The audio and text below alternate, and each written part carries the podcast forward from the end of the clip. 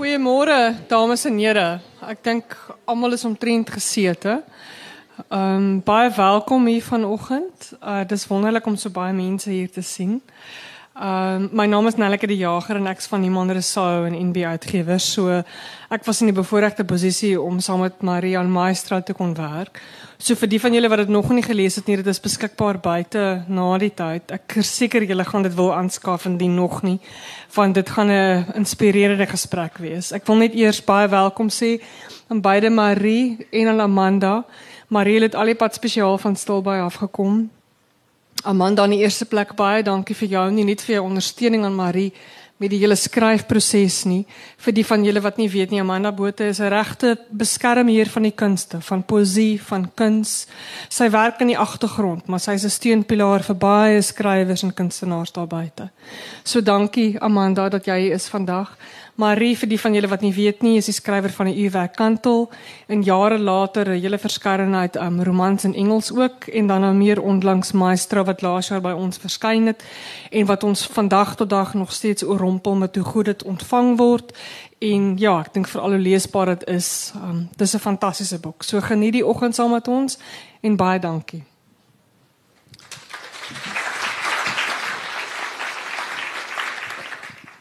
Baie dankie. Ons is bly om julle almal hier te hê.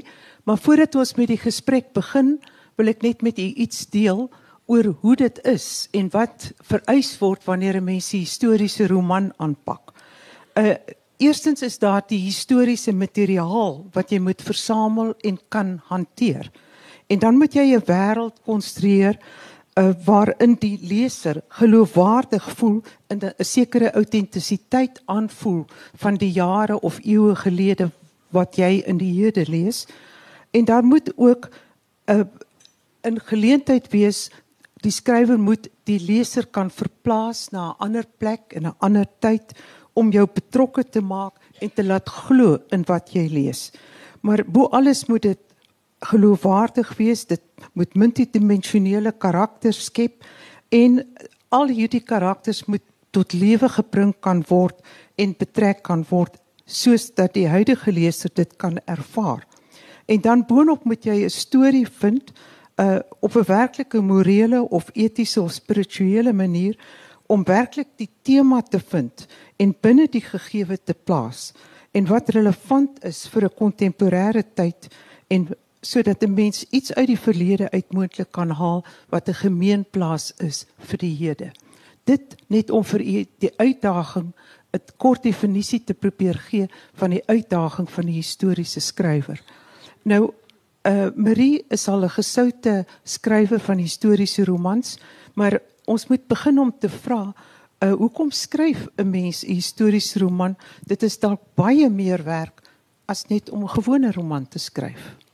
Wel Amanda, ek dink baie keer jy skryf 'n historiese roman omdat iemand jou op jou kop laat val toe jy klein was. maar ek kan vir u sê dat ehm um, sommige mense dink jy skryf 'n historiese roman vir ontvlugting.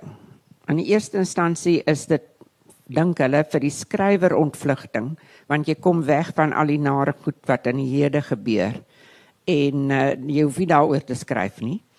Um en in die tweede instansie dink hulle dit is dan ontvlugting vir die leser, want die leser hoef nie te lees oor die nare goed wat daar aangaan nie. Jy wil bietjie wegkom, jy wil iets anders lees.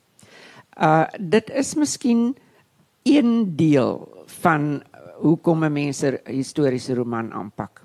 Vir sommige skrywers is dit ook al. So 'n skrywer is Georgette Heyer, van wie se werk ek baie hou. Uh, haar eerste roman was These Old Shades en dit het sy begin skryf vir haar broer wat baie siek was en hy moes lank in die bed lê en hy was verveeld daar was in daai tyd nou nie TV en so aan nie. Toe skryf sy vir hom die boek om hom te vermaak en sy sit langs sy bed en sy lees dit vir hom. En ehm um, toe het sy hy het so daarvan gehou en al die familielede daarvan gehou en toe gaan sy voort op die ou einde het sy 'n groot klomp geskryf. Maar ek dink nie sy het ooit geaspireer om iets meer daarvan te maak as bloot net ontvlugting nie. Maar soos Amanda gesê het, um as 'n mens 'n historiese roman met 'n bietjie meer erns aanpak, dan wil jy ook uh juis nie ontvlug nie, maar juis iets sê oor die hede op 'n indirekte manier. En dan moet die leser 'n bydrae maak. Die leser moet dit interpreteer en sê vir hom of haarself, "O ja, maar wag. Dit is waar van vandag. Ek kan dit sien." So bietjie ontvlugting, maar nie net dit nie. 'n Spesifieke belangstelling in 'n tydperk, gebeurtenis of 'n spesifieke figuur. Nou, ek het baie belang gestel in Jean Gianni uh, Bernini want ek het sy werk gesien toe ek en my man Chris getoer het uh in Rome lank terug. Maar as 'n mens daai beelde gesien het in die Villa Borghese, dan vergeet jy dit nie. So hy was in my kop as 'n interessante figuur. Jy kry 'n geleentheid om 'n historiese raaisel te probeer oplos. Nou ek sal later kom by wat die raaisel was oor hom. Um jy het 'n geleentheid om 'n historiese onreg te herstel. Nou sover ek kon agterkom, is daar nog geen roman geskryf oor Gian Lorenzo Bernini se lewe nie. Baie nie fiksie, maar nie 'n roman nie. Nou ja, ek is nou maar 'n skrywer van Afrikaans in klein oplaag en ver weg van Rome. Ek hoop daar's dalk iemand wat dit daar kan bring. maar de, ek het tog gevoel ek kan dit aanpak en dan het jy soos ek sê 'n geleentheid om indirek op die hede kommentaar te lewer. Amanda, wil jy nie vir ons 'n stukkie lees oor hoe dit gegaan het nadat daar 'n nuwe paus verkies is in Bernini se lewe? Het hy met 'n klomp pause saamgewerk. Hy het 82 geword. Hy het met ag verskillende pause saamgewerk. Maar hierdie is nou uh paus Urbanus die 8ste.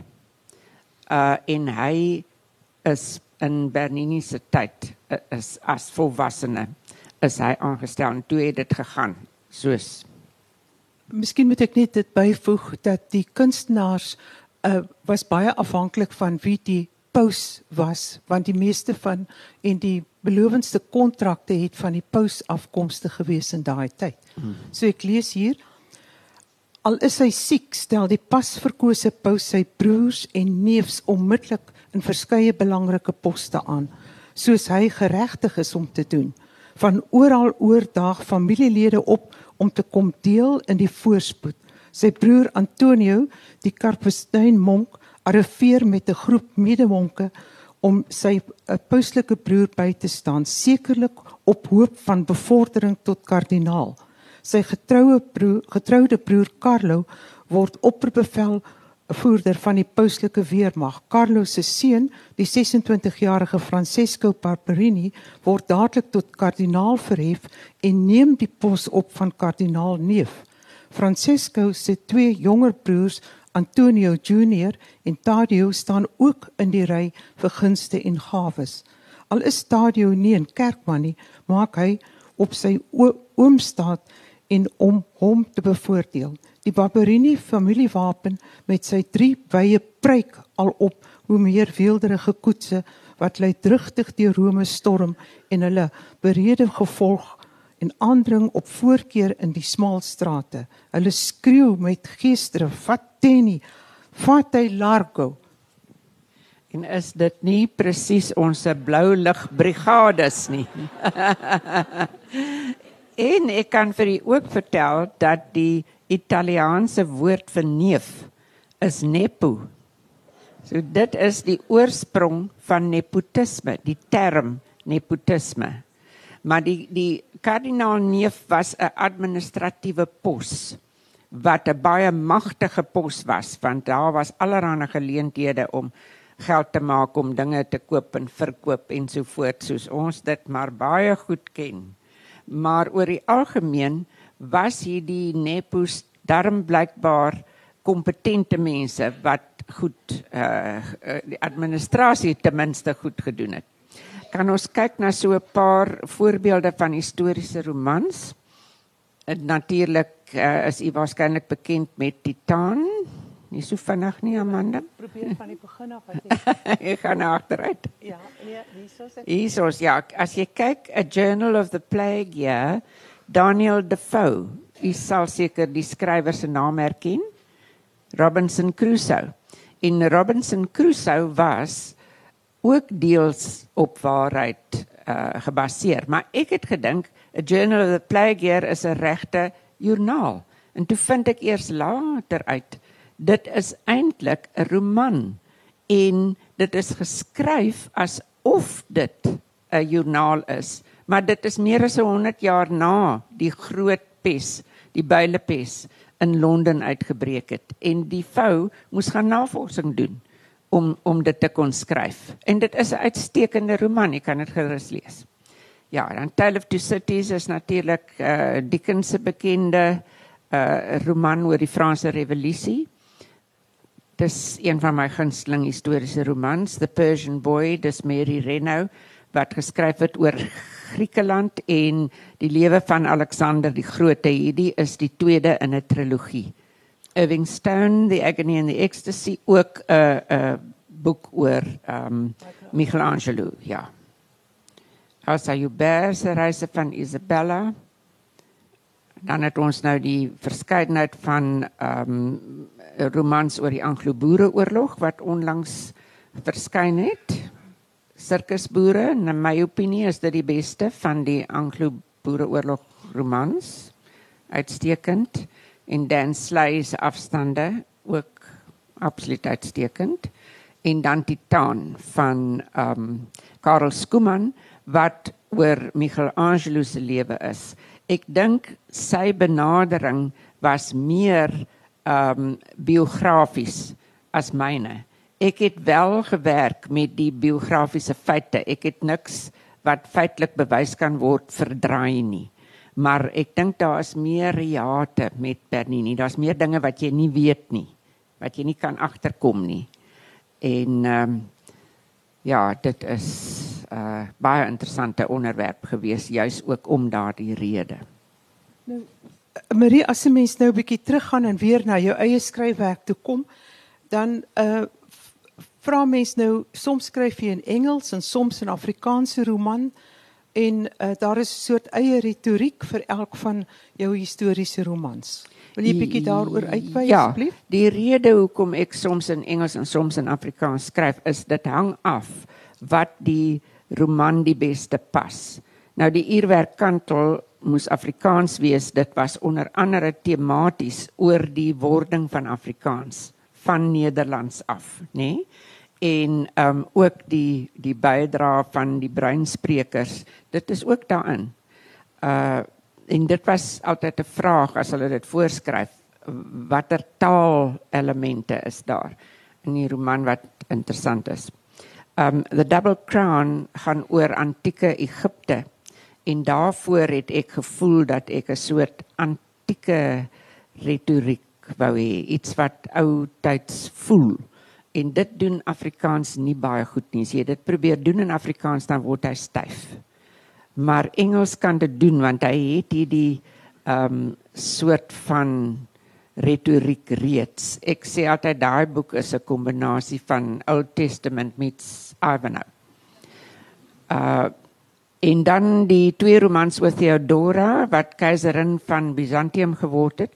Uh Amanda het ons hier buite blaaie ja, van hierdie. Is 'n bietjie verder. Is dit bietjie verder aan? Okay.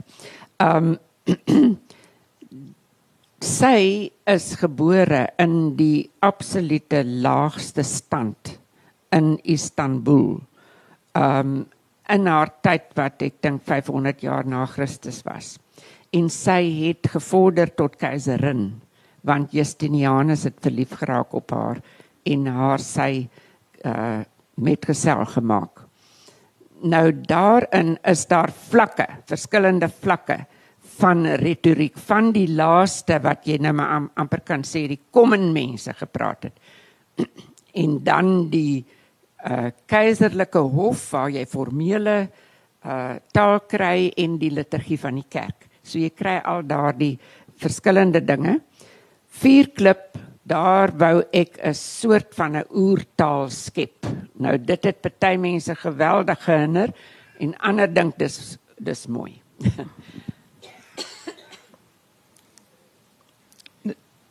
En dan kom jy die laaste een is dan, dan natuurlik dan by- kom ek by Maestro en die is ook meer vlakkig. Hy het ook die liturgie van die kerk. Hy het die formele sosiale omgang uit werkers in die fabrika en daar het my man vir my 'n hele paar keer gesê nee man daai werkers van jou hulle praat glad te formele taal. 'n Mens praat nie so as jy met mense werk aan 'n ding nie. Jy moet dit afbring. Jy moet dit ook meer sal ek sê kom en maak. En uh, hy was reg, ek het dit probeer doen. En dan het jy die skinderende standbeelde. Het jy hulle daar? Eers uh, die skinderende standbeelde is taamlik later. Is Pasquino en Morforio is die twee skinderende standbeelde. Nou dit is absoluut waar. Dit was so in Bernini se tyd was dit al omtrent 100 jaar aan die gang dat op hierdie beelde wat buite staan in openbare plekke het hulle sulke papiertjies geplak wat geskinder het op rym dikwels. En eerlikwaar uh dit was so ek het dit nie uitgedink nie. Nou party van die gediggies in die boek is werklik op die rekord dit het erns bewaar gebly in die argief van die Vatikaan of so. En ander het ek uitgedink self want dit was vir my 'n uh, lekker element om in die boek in te sluit. Nou as ons praat oor uh as ons nou praat oor maestro spesifiek in Bernini, dan uh moet ek jou vra hoekom jy spesifiek hierdie onderwerp gekies het. Soos jy sê, daar dit is iets wat terugspeel uh na die 15, 16de eeu toe. Dit is ver weg van die huidige. Uh vertel ons 'n bietjie meer van hoe jy hoekom jy hierdie onderwerp gekies het en jou benadering. Ja, dis 'n vraag wat mense vra vir skrywers. Hoekom het jy hierdie onderwerp gekies? En ek het nog nie een gehoor wat dit goed antwoord nie. Want die eerlike antwoord is ek weet nie. Maar jy kan wel sê, ehm um, daar is miskien tog 'n hele paar redes wat jou aantrek tot 'n onderwerp. Ek het 'n nuttige begrip gekry by Scott Peck wat The Road Less Traveled geskryf het. Hy is 'n sielkundige Amerikaner en hy praat van overdetermined. Hy sê as jy 'n sekere ding doen, is dit dikwels overdetermined. Met ander woorde, daar's meer as een rede. Daar's 'n klomp redes wat vir jou as persoon 'n bepaalde ding laat doen. So ek kan sê van Bernini Ek het wel 'n bietjie van 'n kunsagtergrond want ek het dit geneem as 'n vak vir matriek. En ek en my man was baie bevoorreg, ons het baie gereis en gelukkig stem ons saam dat ons wil kyk na dieselfde dinge. Ek dink ons het een keer gestry. Ek was by Shakespeare se huis en hy was by 'n motorskou. maar verder stel ons albei in die kuns belang en ons het daardeur gebring in die Prado en gekyk na dinge. En ehm um, so het ons saam in die Villa Borghese hierdie man se werk gesien en dit is onvergeetlik, absoluut onvergeetlik. Ehm um, ek het altyd die, die gedagte gehad van 'n uh, tema van 'n skepende skrywer wat ek 'n roman oor wou skryf. En toe kry ons Shama's Power of Art. Dit is 'n reeks vir die TV wat Simon Shama gemaak het um oor kuns en dit is 8 episodes elkeen oor 'n ander kunstenaar. En toe ons die episode oor Bernini klaar gekyk het, toe sê ek vir my man nou daar is 'n roman. Net so dinge werk saam. En uh, as jy dit ja, hier is die omslag van die Power of Art. Ek kan gerus daarna kyk as jy dit nog nie gesien het nie. Mense kan dit koop. Um, maar nou weer eens, hoekom nou juist Bernini uit die 8 wat daar was? Kan ek nou nie heeltemal sê nie. Ek dink is oor daai beelde. Hier is nou uh een van die beelde. Dit is gemaak deur hom, maar dit is laat eers in tyd aan hom toegewys. Dit is nie bekend van dag 1 af dat hy dit gedoen het nie. Maar as jy nou wil sien hoe oud was hy toe hy dit gedoen het, ehm um, tel net 2 jaar by want hy is gebore 2 jaar voor die einde van die vorige eeu. So hy was 16. Toe hy daai beeld gemaak het. En hoekom weet ons dit nou redelik seker? Want daar is primêre bronne in die Vatikaanse argief. Nou ek het nie daar gesit nie. Ek kan nie daar sit nie want ek kan nie Italiaans lees nie. Ek kan nie Latyn lees nie. Ek sal waarskynlik nie toegang kry nie. Maar ek kon 'n boek koop, meer as een, oor akademiese mense wat daar gaan sit het in die argief en gekyk het en wat kry hulle? 'n Kwitansie vir die werk gedaan. Ja. Hierso is 'n uh, die standbeeld 'n uh, naby skoot van Anias wat sy vader dra. Dit is wanneer hulle vlug uh nadat die Trojaanse perd nou die oorlog uh in die guns van die Trojane beslis het. En daar het hy die beeld gemaak. Dis 'n ongelooflike beeld want dis drie figure bymekaar.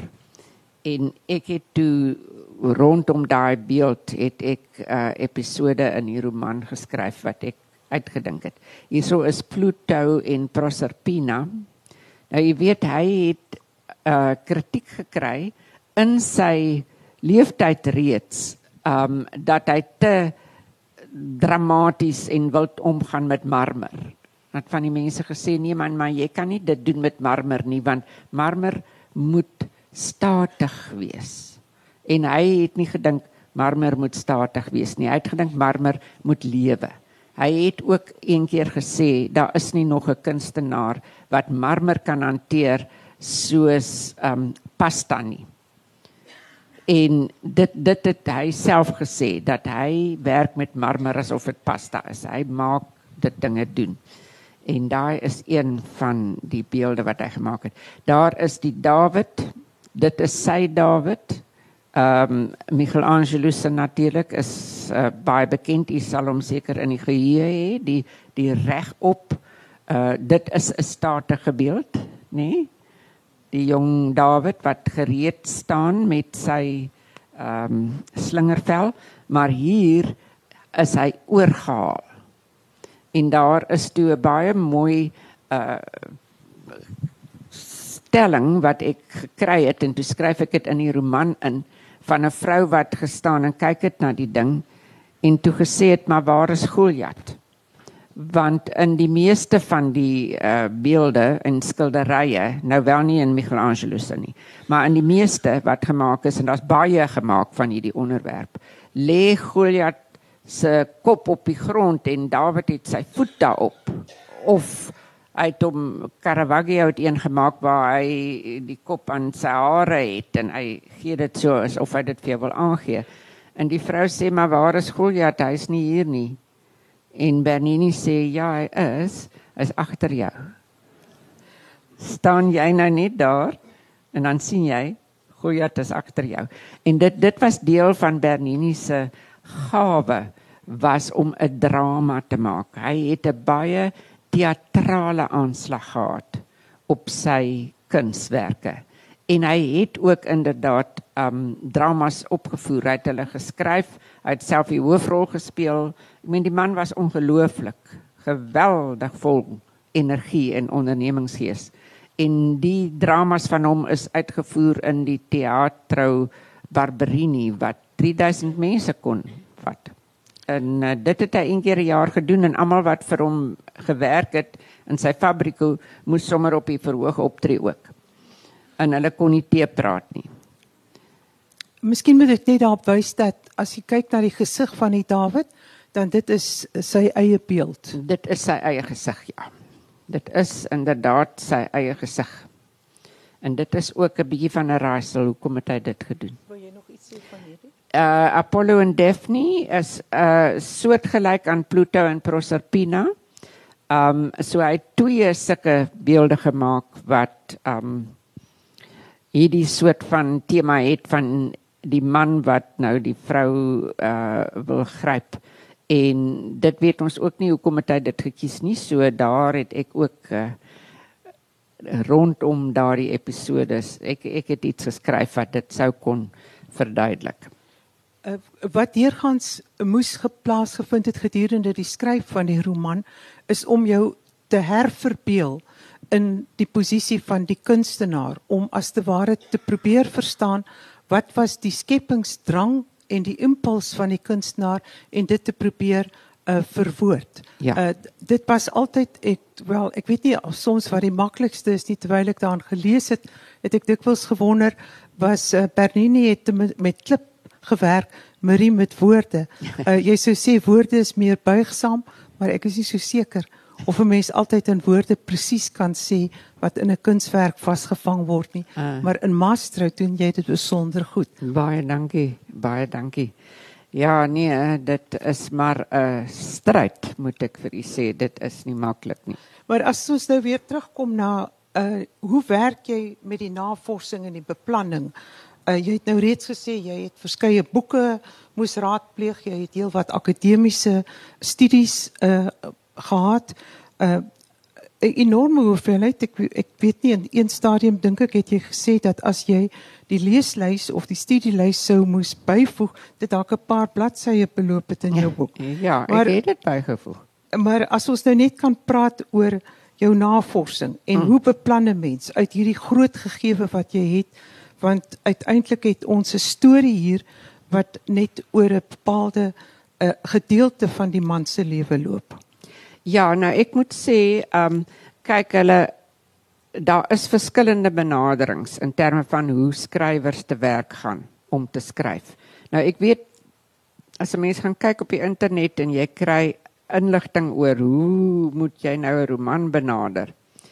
Uh dan sê hulle party vir jou, maar jy kan hom beplan. Jy beplan hom soort van met 'n Excel sheet, jy weet, en jy het nou tot met tonele.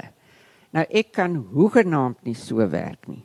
Maar ek dink dit is 'n 'n kwessie van persoonlike uh benadering tot dinge. My man het 'n lineêre helder kop. Hy begin op punt 1 en dan werk hy deur en dit kom logies uit want hy het dit klaar in sy kop georde. Nou ek is nie in staat om dit te doen nie. Ek weet nie wat ek wil sê tot ek dit gesê het nie. So ehm um, wat ek doen is ek dit is baie rekursief, dis geweldig herhalend. En ek skryf maklike toneel wat nie hy's hy's los. Hy's erns, hy gaan nie erns in die middel wees, maar ek weet van hom, so ek kan hom skryf. En ek het ook baie meer as een keer die slot geskryf voor ek die res van die storie klaar het. So vir my is dit 'n 'n 'n ding wat ek moet deurworstel en dit is baie moeite. Nou dink ek baie keer, "Jene, hoekom doen ek dit nou nie meer ordelik nie?" Maar ek kan nie, dit werk nie so vir my nie. Nou sien ek ehm um, van hierdie raad op die internet, sommige daarvan is baie goed. Ehm um, praat hulle van pantsers en plotters. Die plotters is die wat hom nou vooraf mooi netjies uitwerk en dan skryf. Ek dink veral met 'n misdaadroman of jy weet, kan jy waarskynlik so werk. En die pantsers is die wat seat of pants doen. Jy, met ander woorde jy gaan sit voor die rekenaar en jy weet eintlik nie wat jy gaan skryf tot jy begin skryf nie. En en dit is hoe dit vir my ehm um, werklik waar is. Uh maar ek vind dit nodig. Jy kan nie pyl trek op Wikipedia nie. Jy weet, ek meen dit is nuttig, maar jy kan nie pyl trek daarop nie. Jy moet regtig gaan na akademiese bronne en mense wat primêre bronne gebruik het en dan kan jy nou hulle kennis gebruik. Maar inderdaad, Marie, is mens ook dan jy werk direk met die beelde self van Ja. wat geskep is en dit op sigself Ja. uh, gee jou ook 'n aanduiding. Ja, dit is vir my, ek dink sy beelde is primêre bronne. Jy weet dit sê vir jou iets wat in sy gemoed aangegaan het en waarskynlik in sy lewe en dit is hoe ek 'n hele paar van die episodes in die roman geskryf het deur te kyk na sy beelde. En die raaisel wat ek vroeër van gepraat het, onthou julle? Wat is die raaisel? Die raaisel is hoekom het hy sy eie gesig gesit op die Dawid? En voor dit die eerste ehm um, beeld wat hy gemaak het was Sint Lorenzo op die braairooster.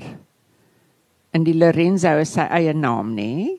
So hy het gedink hy moet braai. Hy hy is Dawid wat moet stry en dan is hy ook die ehm um, die gesig van die anima danata. Nee, ons kom nog daarby, ja. Amanda. Ja. Ja, so ek gebruik die beelde as bronne. En hier het jy Anja se ou vader wil jy iets daaroor gesê het? Ja, want daar het ek daai um episode waar hy sy pa moet dra huis toe want sy pa kry 'n hartversaking. En dan moet hy hom dra. Ek het dit ingeskryf want ek dog toe hoekom het hy daai beeld gemaak. En kyk Proserpina se trane, jy weet hy het goed gedoen met marmer wat niemand anders gedoen het nie. Nie voor hom nie, ook nie na hom dink ek nie. Mm, Daar's trane op haar wange. Daar. Jy kan dit duidelik sien, nê? Daar's trane op haar wange. Nou ek het 'n en kyk nou daai vingers. Daai marmer lyk sag, nê? Is ongelooflik. Nou kan ek vir u sê hoekom is hy minder bekend as Michelangelo. Kyk, almal weet van Michelangelo. Maar daar's baie mense wat nie weet van Bernini nie, nê? Nee? Hoekom nie? Want hulle was in 'n sekere sin ewe kan ek vir u sê, ewe groot kunstenaars.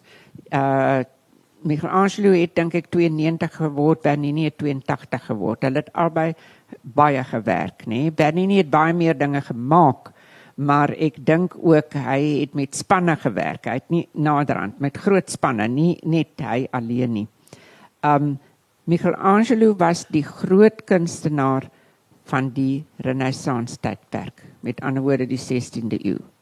Bernini was die groot kunstenaar van die barok tydperk, met ander woorde die 17de eeu. OK? Nou het hy die wonderlike goed gemaak, maar is minder bekend hoekom. Want na sy dood het sy ster getaan. Hy het dit voorspel. Hy het gesê my ster gaan nog taan want hy was geweldig bekend in sy lewenstyd. Mense het gekom van heinde en verre om te kyk na sy werk en ook um jong kunstenaars om by hom te leer. Gevolglik het hy 'n enorme invloed gehad op die kuns in die hele Europa van daardie tyd want hulle het almal gekom om by hom te leer.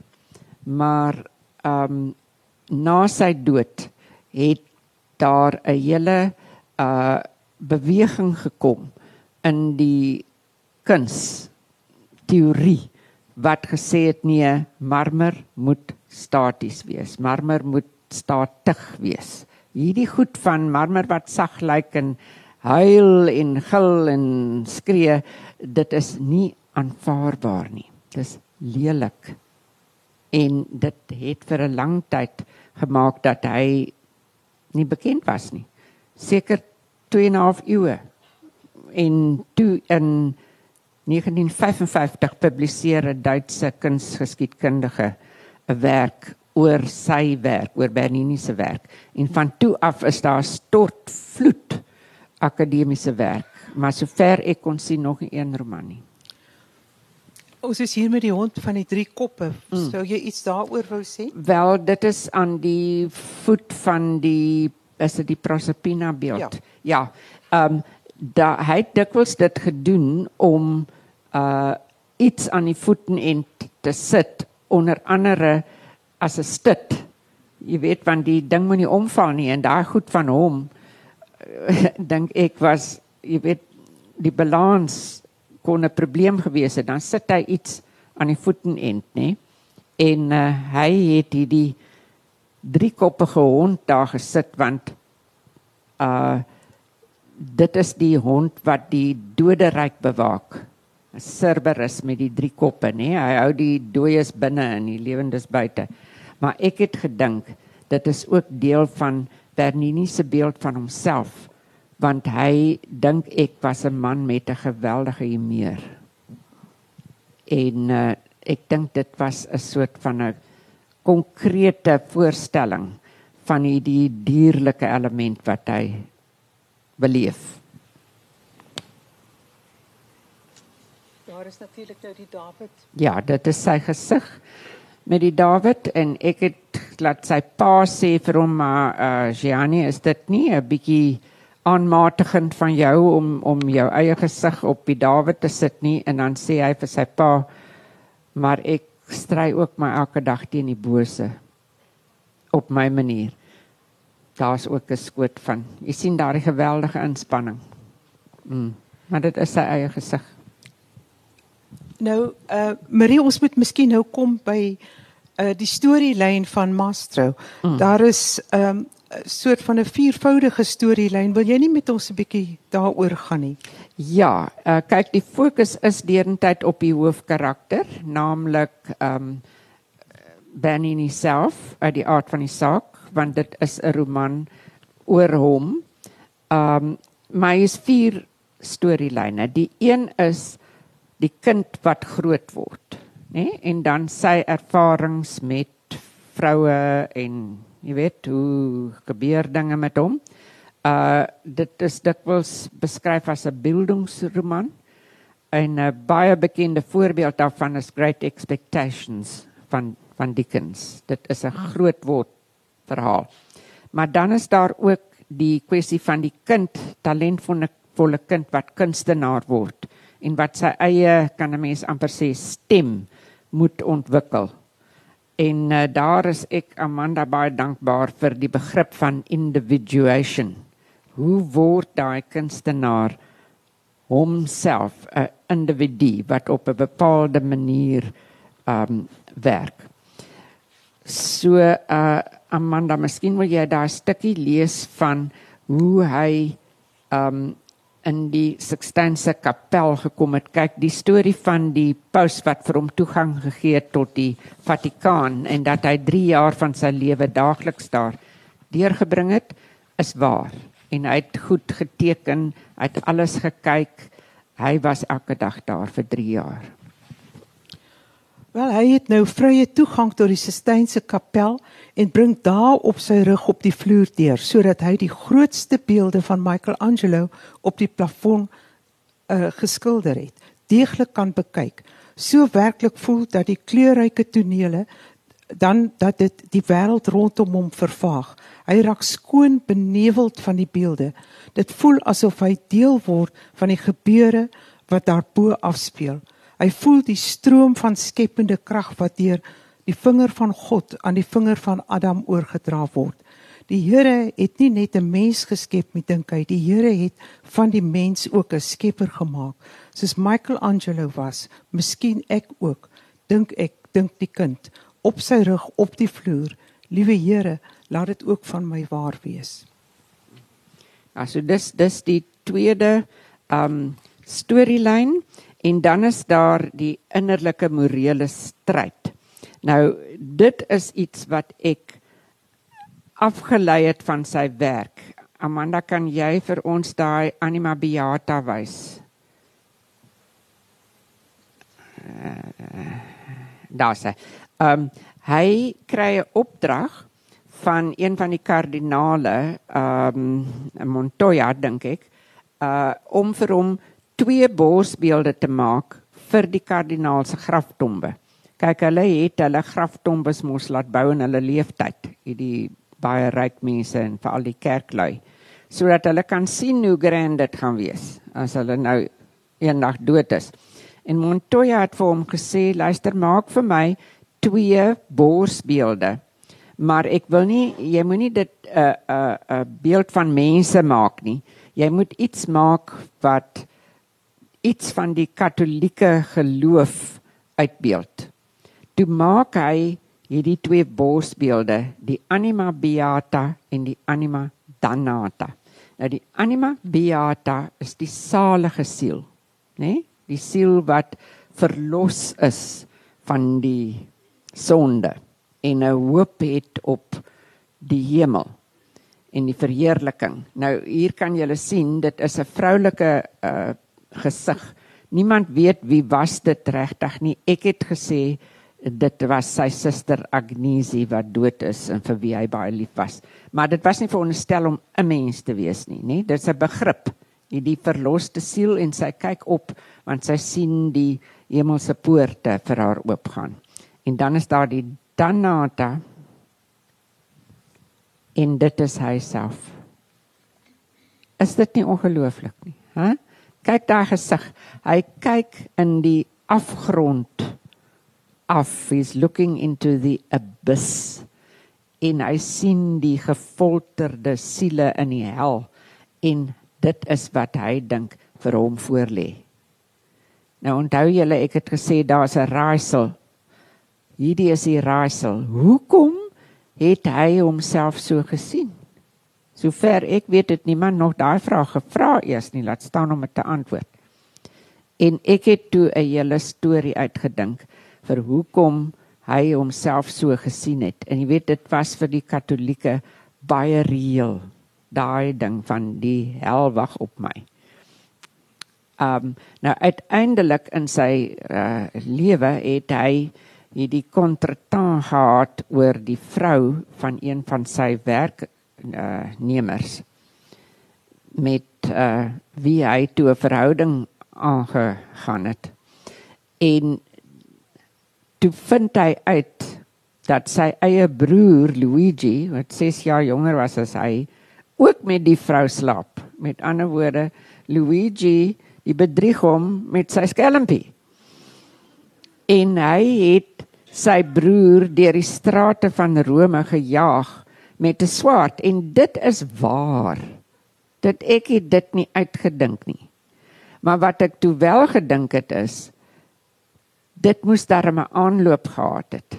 Jy weet, hy kan nie eenmalig in sy lewe skielik op ouderdom 39 so kwaad word dat hy sy broer jag met 'n swaard nie. Hy moes dit moes opgebou het, nê. Nee. So ek het terugwerkend episodes geskryf waar hy boosaardig kwaad word sodat jy darm kan verstaan hy kom uh uiteindelik so kwaad daaruit en dan is dit vir hom 'n innerlike morele stryd dat hy uiteindelik dan uh aan die einde vir die paus sê hy hy het nou hierdie wonderlike vrou met wie hy gaan trou 'n ander vrou. Uh maar hy voel nie hy is goed genoeg vir haar nie. En dan sê die paus maar jy moet jouself daagliks aan die goeie toewy. Dit is 'n lang stryd, dit is nie eenmalig nie. So wat jy moet doen is jy moet elke dag loop met jou voete na die kerk van Jesus. En jy moet hierdie boek van Ignatius Loyola met spirituele oefeninge moet jy deurwerk. En as jy nou gaan kyk op Wikipedia wat sê hulle vir jou van Bernini dan sê hulle he was a very pious man who walked to the Church of Jesus every day for Mass and was seen with the spiritual exercises of Loyola under his arm. Maar hoe het hy daar gekom? Jy sien dit is die roman. En dan natuurlik um Galileo Galilei. Hy uh is die hele stryd wat hulle met hom gehad het oor die kwessie van die son gesentreerde stelsel teenoor die aarde gesentreerde stelsel.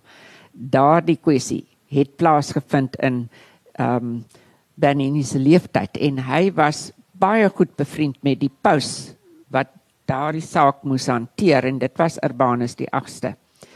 Nou hy was werklik waar so goed bevriend met die paus. Hulle het gesê dit was asof die paus hom half aangeneem het as 'n seun en hy het vir hom gaan kuier, hulle het saam geëet, hy het vir die paus voorgeles. Natuurlik nie elke dag nie, want hulle was albei baie besige mense.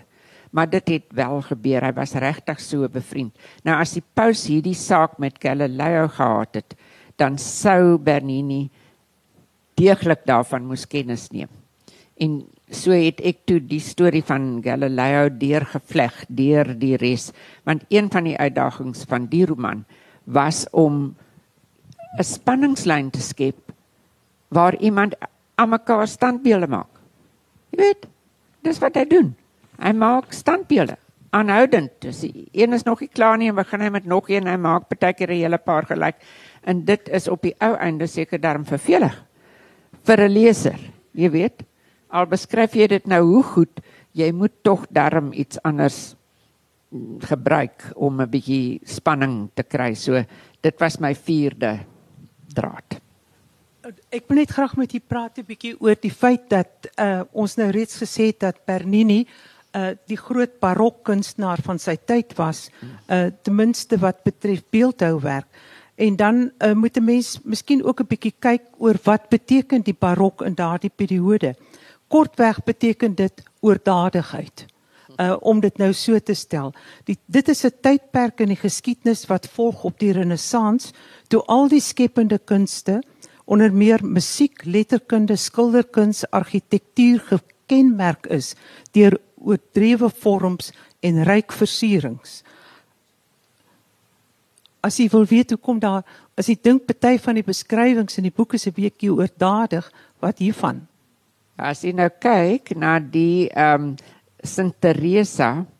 Uh dis nie eers in die roman nie, want ek kom toe agter en ek kan nie oor die man se hele lewe skryf nie. Dit dit is te veel en te lank en dit dit dit gaan vormloos word. Toe hou ek op waar hy trou, want dit was so 'n soort van 'n boog.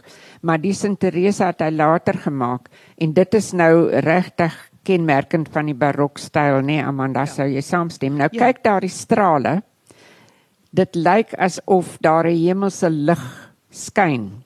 Dit is gemaak van ehm um, uh pleister en dit is verguld en hy het 'n versteekte venster daarin gebou. sien julle hier op hierdie weergawe kan jy die venster sien.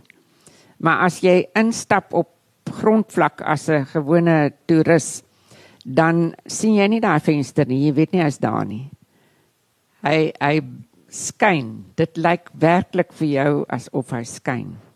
En en dit is daai drama, dit is daai ehm um, kontras, dit is oorweldigend eintlik. En die mode het teen hom gedraai. Ja, dis Sint Teresa se gesig. Ook jy sien sterk drama. Wat ek eintlik wil sê en wat u deurgaans moet in gedagte hou wanneer 'n mens die roman lees, is dat dit uh dat hierdie tyd wat gekenmerk was deur die barokperiode uh in oordadigheid het, maar dit is verstaanbare soort detail in emosie en uitbundigend in 'n sterk kontraste en drama. Mm. En eintlik is dit 'n soort 'n uh, algemene soort oordaad wat na Bernini se dood uit die mode geraak het en dalk ook miskien die rede was waarom hy vir 'n ruk in verval geraak het, want daarna het die klassieke styl uh na vore gekom wat algemeen meer deur die kunshistoriese van die tyd uh begunstig is.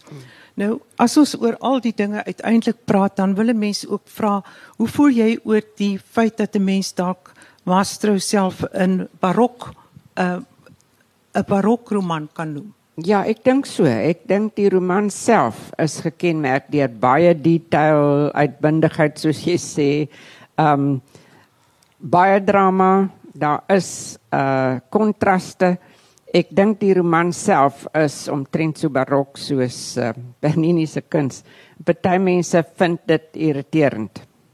Maar ek jammer. en dan uh wat was vir jou die grootste uitdaging met hierdie skryftaak? Ek sê sê die heel eerste groot uitdaging was om die ongelooflike waarheid oor hierdie mense lewe oortuigend te vertel. Nou die uitgewer het die manuskrip vir Karel Skooman gestuur tot my groot uh ek sê vrees en bewing en hy het in potlood in die kantlyn so kommentaar geskryf. En hy het meermale geskryf ag nee wat? of so iets. Kan dit wees en so? Dan is dit die waarheid onder andere dat hy Bernini as 10-jarige kind na die paus toe geneem is. Uh dit was nog Paulus uh Paus Paulus die 5de wat vir hom gesê het teken vir my 'n kop en hy teken toe vir hom 'n kop van die heilige Paulus. En die paus sê vir hom nou gaan ek vir jou van my pauslike medaljes gee. Kyk, hulle het elke jaar 'n medalje laat uh, maak van goud om hulle uh groot uh het uh, hoe sal ek sê die beste ding wat gebeur het in die jaar te uh, herinner. En ehm um, toe het hy nou hierdie goue medaljes laat kom in 'n boksie en hy sê vir die kind: "Vat soveel soos jy kan vat in jou hande." En die kind wat 10 was, sit sy twee hande in die boks en hy vat 6 goue medaljes in elke hand. En hoor hier toe hulle inventaris maak van Bernini se huis na sy dood op 82, toe kry hulle 12 goue medaljes in sy huis. Hy het dit nog al die jare gehou. Dit is waar, maar dit klink ongelooflik, nê? En so is baie van die dinge wat hy gedoen het, is regtig um moeilik om te aanvaar. So dit was 'n uitdaging. Uh dan het ek uh ek het genoem dat dit was 'n uitdaging om 'n onderhoudende verhaal te maak van die een beeld na die ander. Dit was regtig 'n uitdaging. Um en dan was daar hiate in in die gang van sy lewe wat niemand weet wat het presies daar gebeur nie. En dan moes ek nou iets uitdink wat inpas. En dan om die leser se simpatie te behou vir 'n man wat dikwels selfsugtig en grootliks selfgesentreerd was en soms ook selfs wreed kon optree. Nou daar is daar die episode waar hy uh sy bediende stuur om die skelmpie se gesig te laat sny. Dit is waar.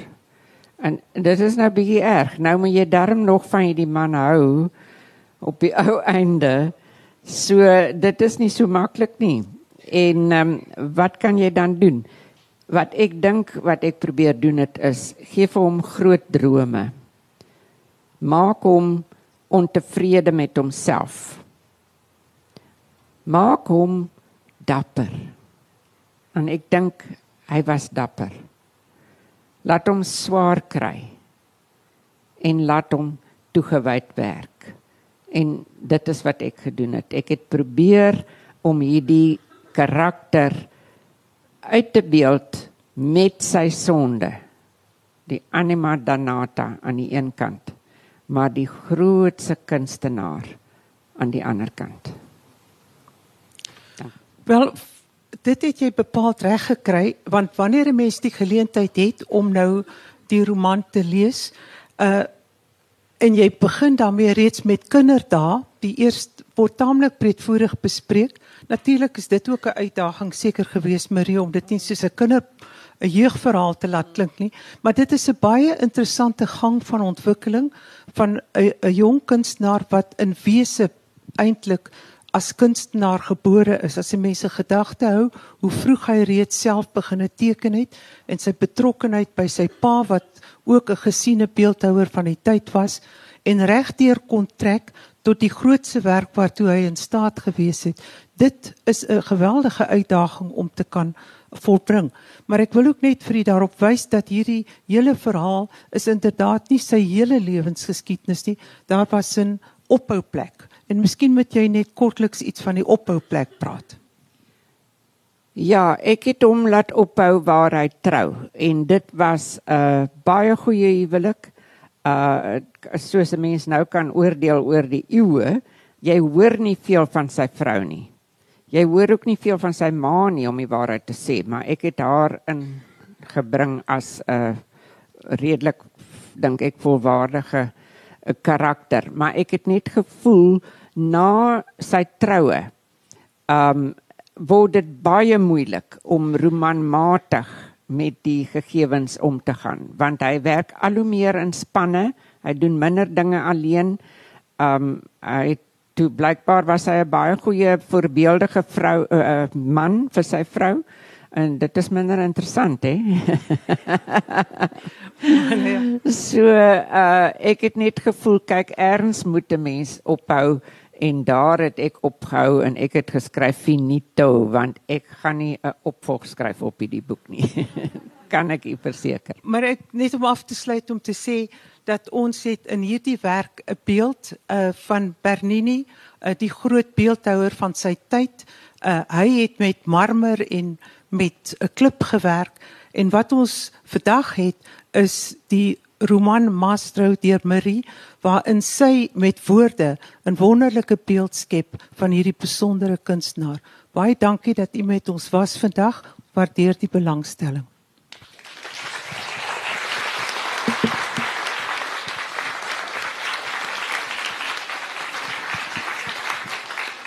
Ek wil net dankie Amanda. Ek wil aan 'n paar uh bedankings self ook doen net voordat almal loop. Uh baie dankie Nelleke de Jager wat die uitgewer was van hierdie roman. Ons het baie lekker saamgewerk en baie dankie aan almal wat sy gebring het om te help werk daaraan. Uh veral ook Louise Stein wat redigeer met 'n uh, baie baie uh puntenerige oog. Ek is baie dankbaar vir julle. Dankie vir die uitnodiging van die Woordfeeskomitee. Ek is baie bly om hier te wees en verstom oor die opkoms. Mense sou sweer dit was my ma.